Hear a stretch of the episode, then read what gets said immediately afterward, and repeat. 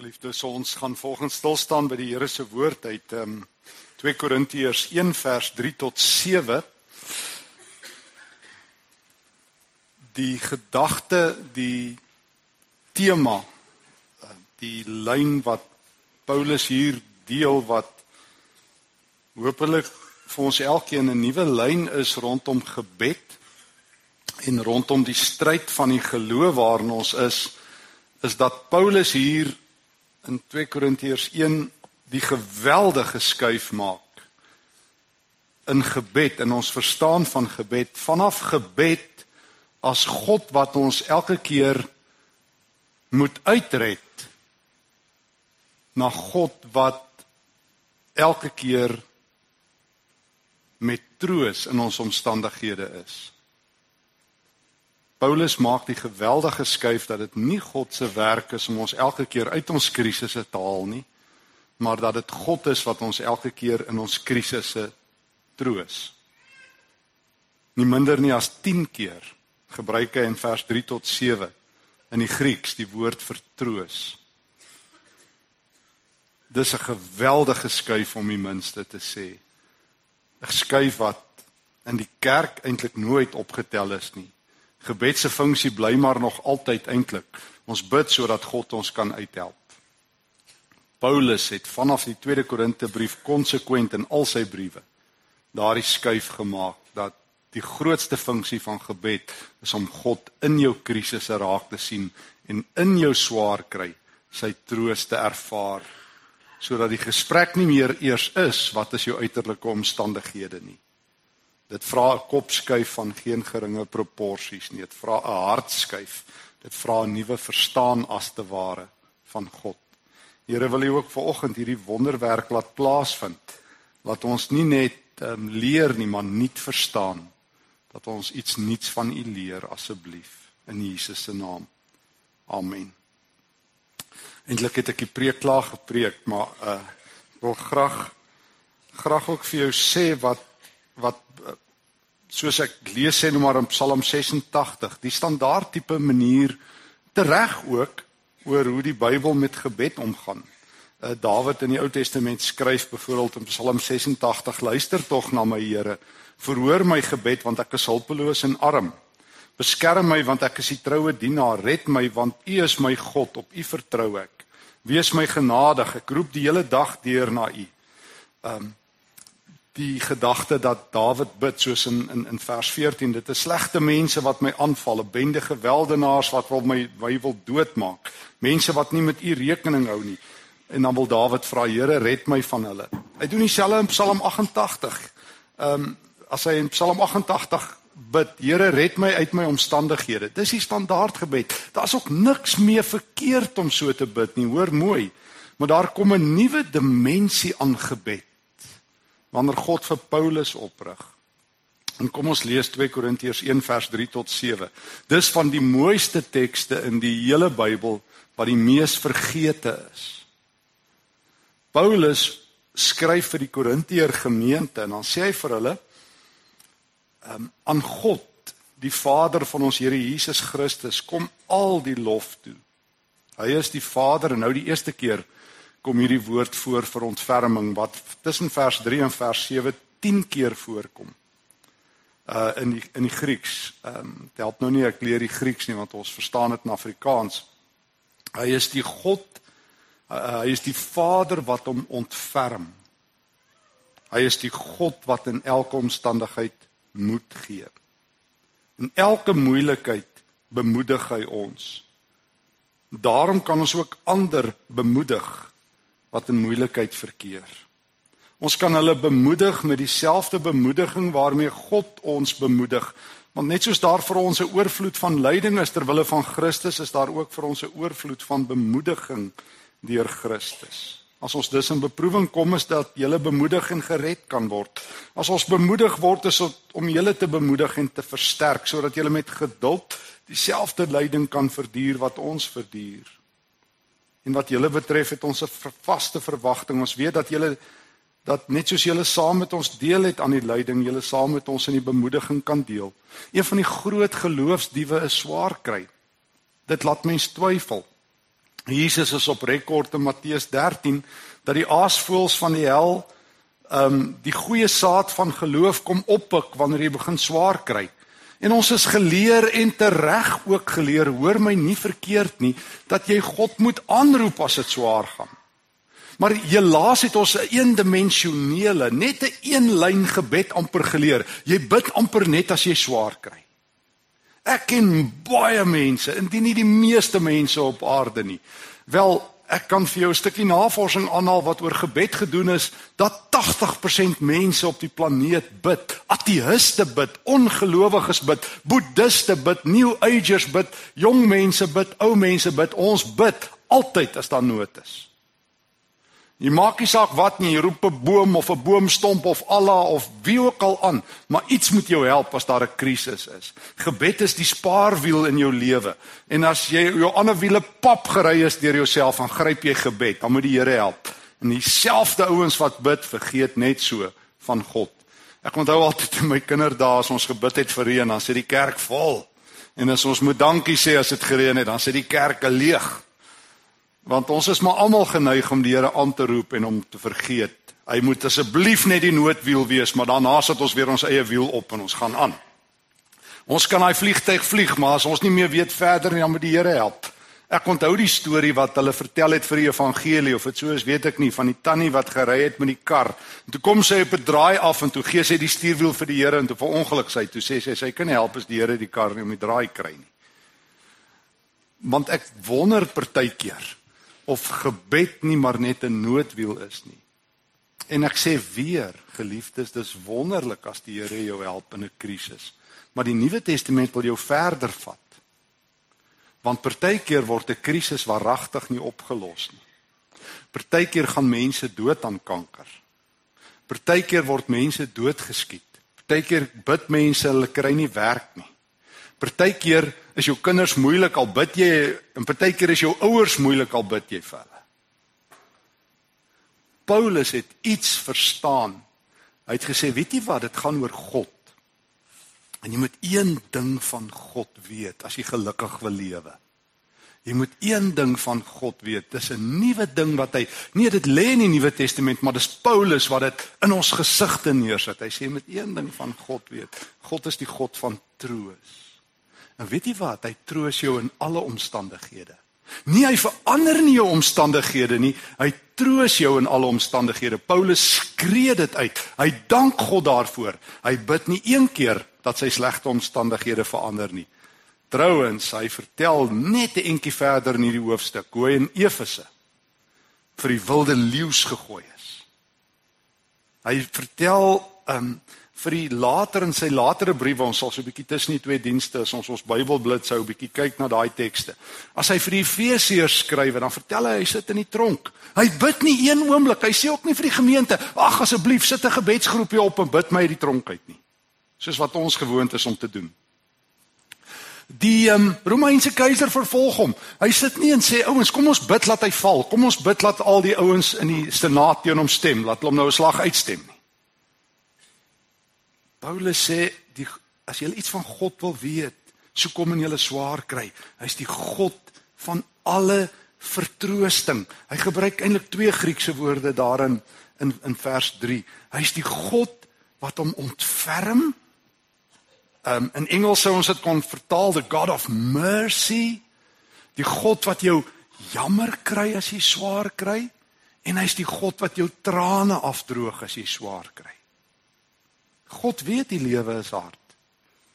God loop nie soos die Griekse gode met 'n towerstaf en dan sê hy ons gaan jou gou-gou 'n bietjie jou omstandighede beter maak en jy moet nog swaarder kry nie. God het hierdie wêreld gemaak en die wêreld gaan aan. Hy sê ek maak 'n nuwe wêreld waar dit anderster gaan wees, maar in hierdie wêreld sê Jesus sal julle swaar kry. Maar hoe goeie moet ek die wêreld oorwin? Wonder hoekom het hierdie boodskap nie diep in die kerk ingesink nie. Hoekom het ons van gebed net 'n 'n noodwiel gemaak wat daarom dit vir my beter moet maak. En as dit nie help nie, dan moet ek maar immigreer. So soos iemand daai dag vir my sê. As God hom nou nie kan help nie, as hy moet immigreer. Ehm um, ek weet nie waartoe nie. Want ek sien nou die dag hulle sê as as oom Donald in die in die Noord-Koreane aan die aan mekaar spring, gaan Suid-Afrika die veiligste plek wees, het ouens gesê. Regtig, regtig. Ja. So hou moed. Maar nou kom Paulus in vers 4, hy sê in elke moeilikheid.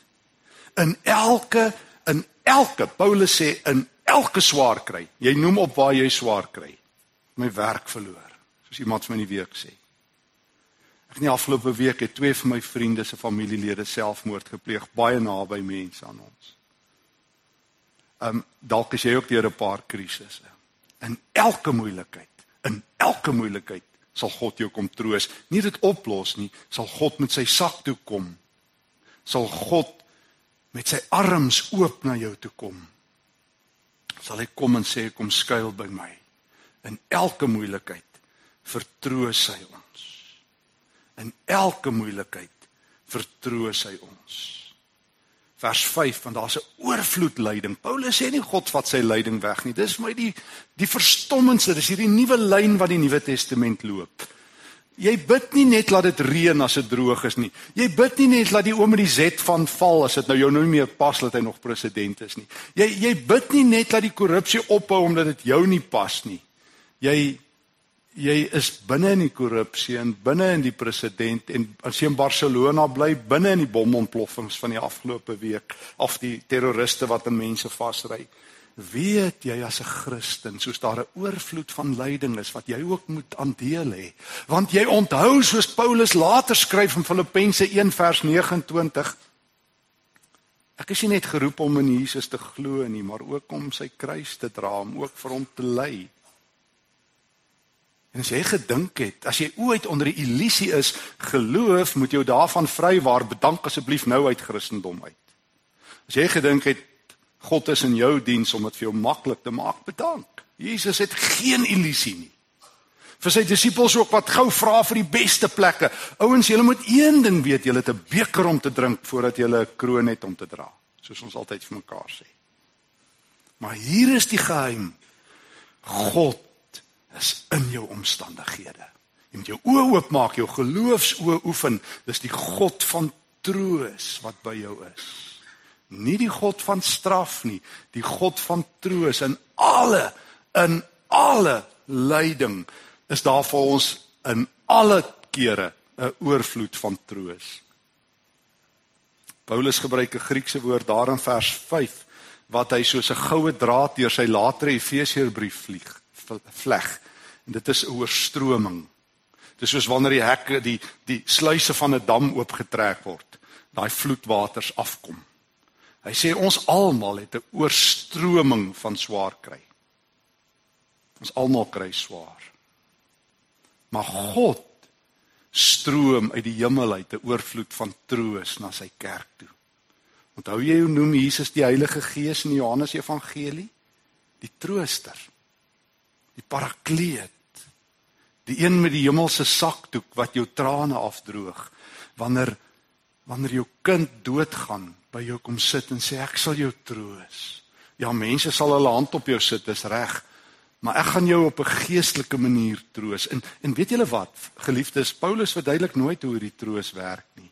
Hy sê nie weet jy dit sal soos in stap 1 2 en 3 wees nie. Hy sê dis die Heilige Gees wat diep binne in jou sal werk.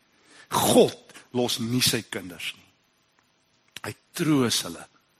Hy hou hulle vas. So 2 jaar gelede het ek met 'n geestelike leier 'n roete geloop en uiteindelik het hy selfmoord gepleeg. Dit was vir my baie traumaties. Maar ek onthou op 'n keer toe hy vir my vertel hy gaan nou homself ehm um, selfdood pleeg. Het ek vir hom gesê, liewe vriend, jy weet minstens een ding van God wat ek jou aan wil herinner. Jy weet minstens dat jy jou in die arms van God kan gooi, selfs al beëindig jou eie lewe. Jy het ergens in jou kop 'n idee hy's genadig en ek wil jou uitnooi om saam met hierdie God te leef ook. En jou nie dood te maak om by hom uit te kom nie. Want hy wil nie hê jy moet so lewe nie. Hy roep jou Hy roep jou om saam met hom te lewe. Hy sal waaragtig troos hê vir jou pyn. Maak jou oë oop, stel jou lewe oop, want soos daar vir jou 'n oorvloed van lyding is, daar 'n oorvloed van troos. Jy moet hierdie woord hoor as jy getroos wil lewe. En daarom vers 4 kan ek ander mense bemoedig met die troos wat ek het. So ek saam met my ou boesemvriend sit hierdie week na sy kind se dood. En hy vir my sê, jy weet Stefan, ek het die Here in hierdie week gesien soos nog nooit tevore nie. Dan weet ek God met sy troos het opgedaag. God is waaragtig oral. Maar dit vra 'n nuwe dimensie aan jou gebedslewe waar jy sê, Here, U is vir my genoeg. Here, U is die troos. Here, as U opdaag, kom my bang hart tot bedaring. Here, en dan ewe skielik kan ek my kruis dra en my pad loop. Here, ek weet U is vir my genoeg. Is 'n geweldige geloofskyf. Nie wat U vir my doen nie, maar wie U vir my is, is genoeg. As ons dus in beproewing kom vers 6, sê Paulus, is dit sodat ek ander mense kan help, want die een ding wat God doen, hy sê as ek jou gehelp het deur jou te troos dat ek by jou is, gee dit aan asseblief. Genade stop nooit by jou nie. Jy's nie die eindverbruiker van God nie. As God iets vir jou gedoen het en jy deel dit nie, is jy selfsugtig. As God hom oor jou ontferm het en jou trane afgedroog het en jy sien iemand anders huil, gaan sit by hulle en sê God sal julle troos. God sal julle troos. As jy tans swaar kry, maak oop jou oë, kyk hoe die Heilige Gees met sy sakdoek is by jou. God sal jou troos. Beteken dit beteken dit ek mag nie bid dat dat ehm um, God my omstandighede verander nie. Nee, ek mag. Paulus vertel net hierna. Jy kan dit maar gaan lees hoe hy ehm um, vertel hoe geweldig hy gelei het.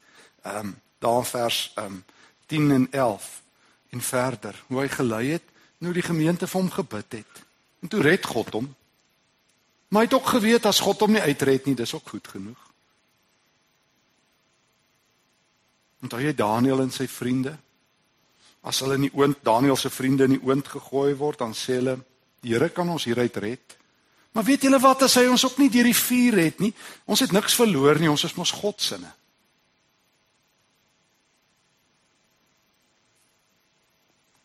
Ek verstaan die Here het ons gemaak om veilig te voel en om vas te hou aan die lewe.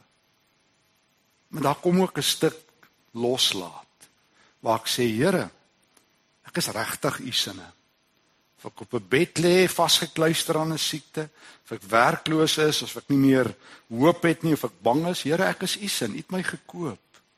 En my troos, Here, is U.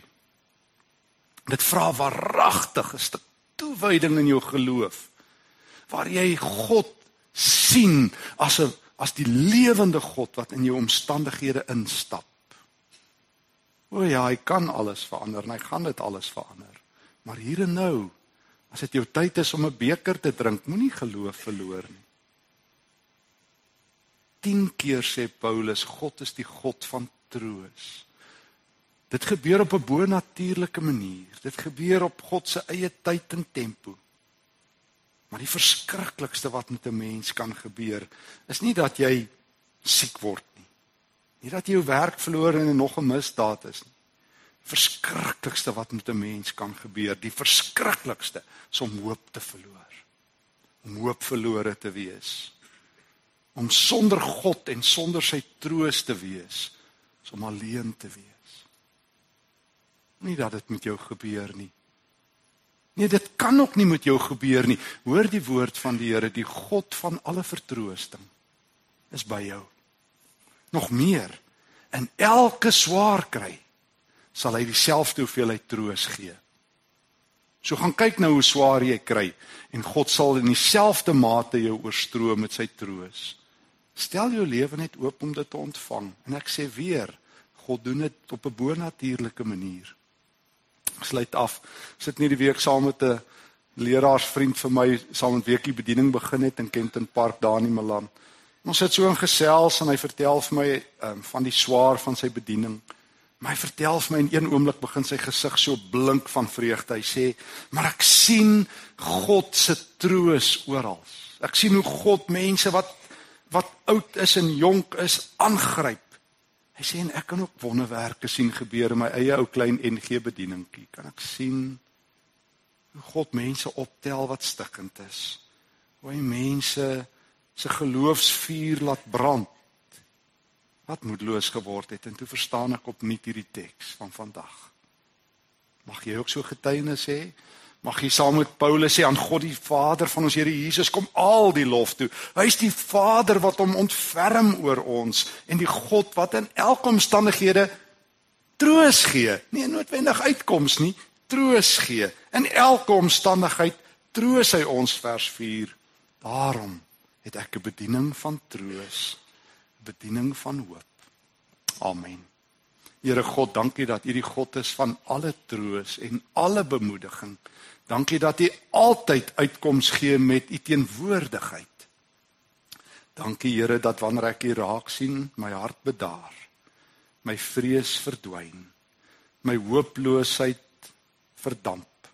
Kom Here en troos my met U teenwoordigheid. Leer my om hierdie hierdie vars boodskap van Paulus in 2 Korintiërs 1 in my hart in te skryf dat U die God van alle bemoediging is leer my my geestelike oë te oefen om te sien dat in die mate wat ek swaar kry, in daardie selfde mate kom bemoedig U my. Leer my om my bemoediging wat U vir my gee te omarm en te deel. Hier so baie mense in Suid-Afrika, sommer hier in ons gemeenskap wat swaar kry, wat ly, wat nie meer hoop het nie, wat hoop verlore en moed verlore is, wat opgegee het en uittreë. Leer ons almal in hierdie dae, Here ons oë oop te maak. Die God van vertroosting, die God van alle ontferming, die Here van die Here te ontmoet, die God van wonders, soos François nou gebid het. Leer ons Here om U so te sien in die naam van Christus. Amen.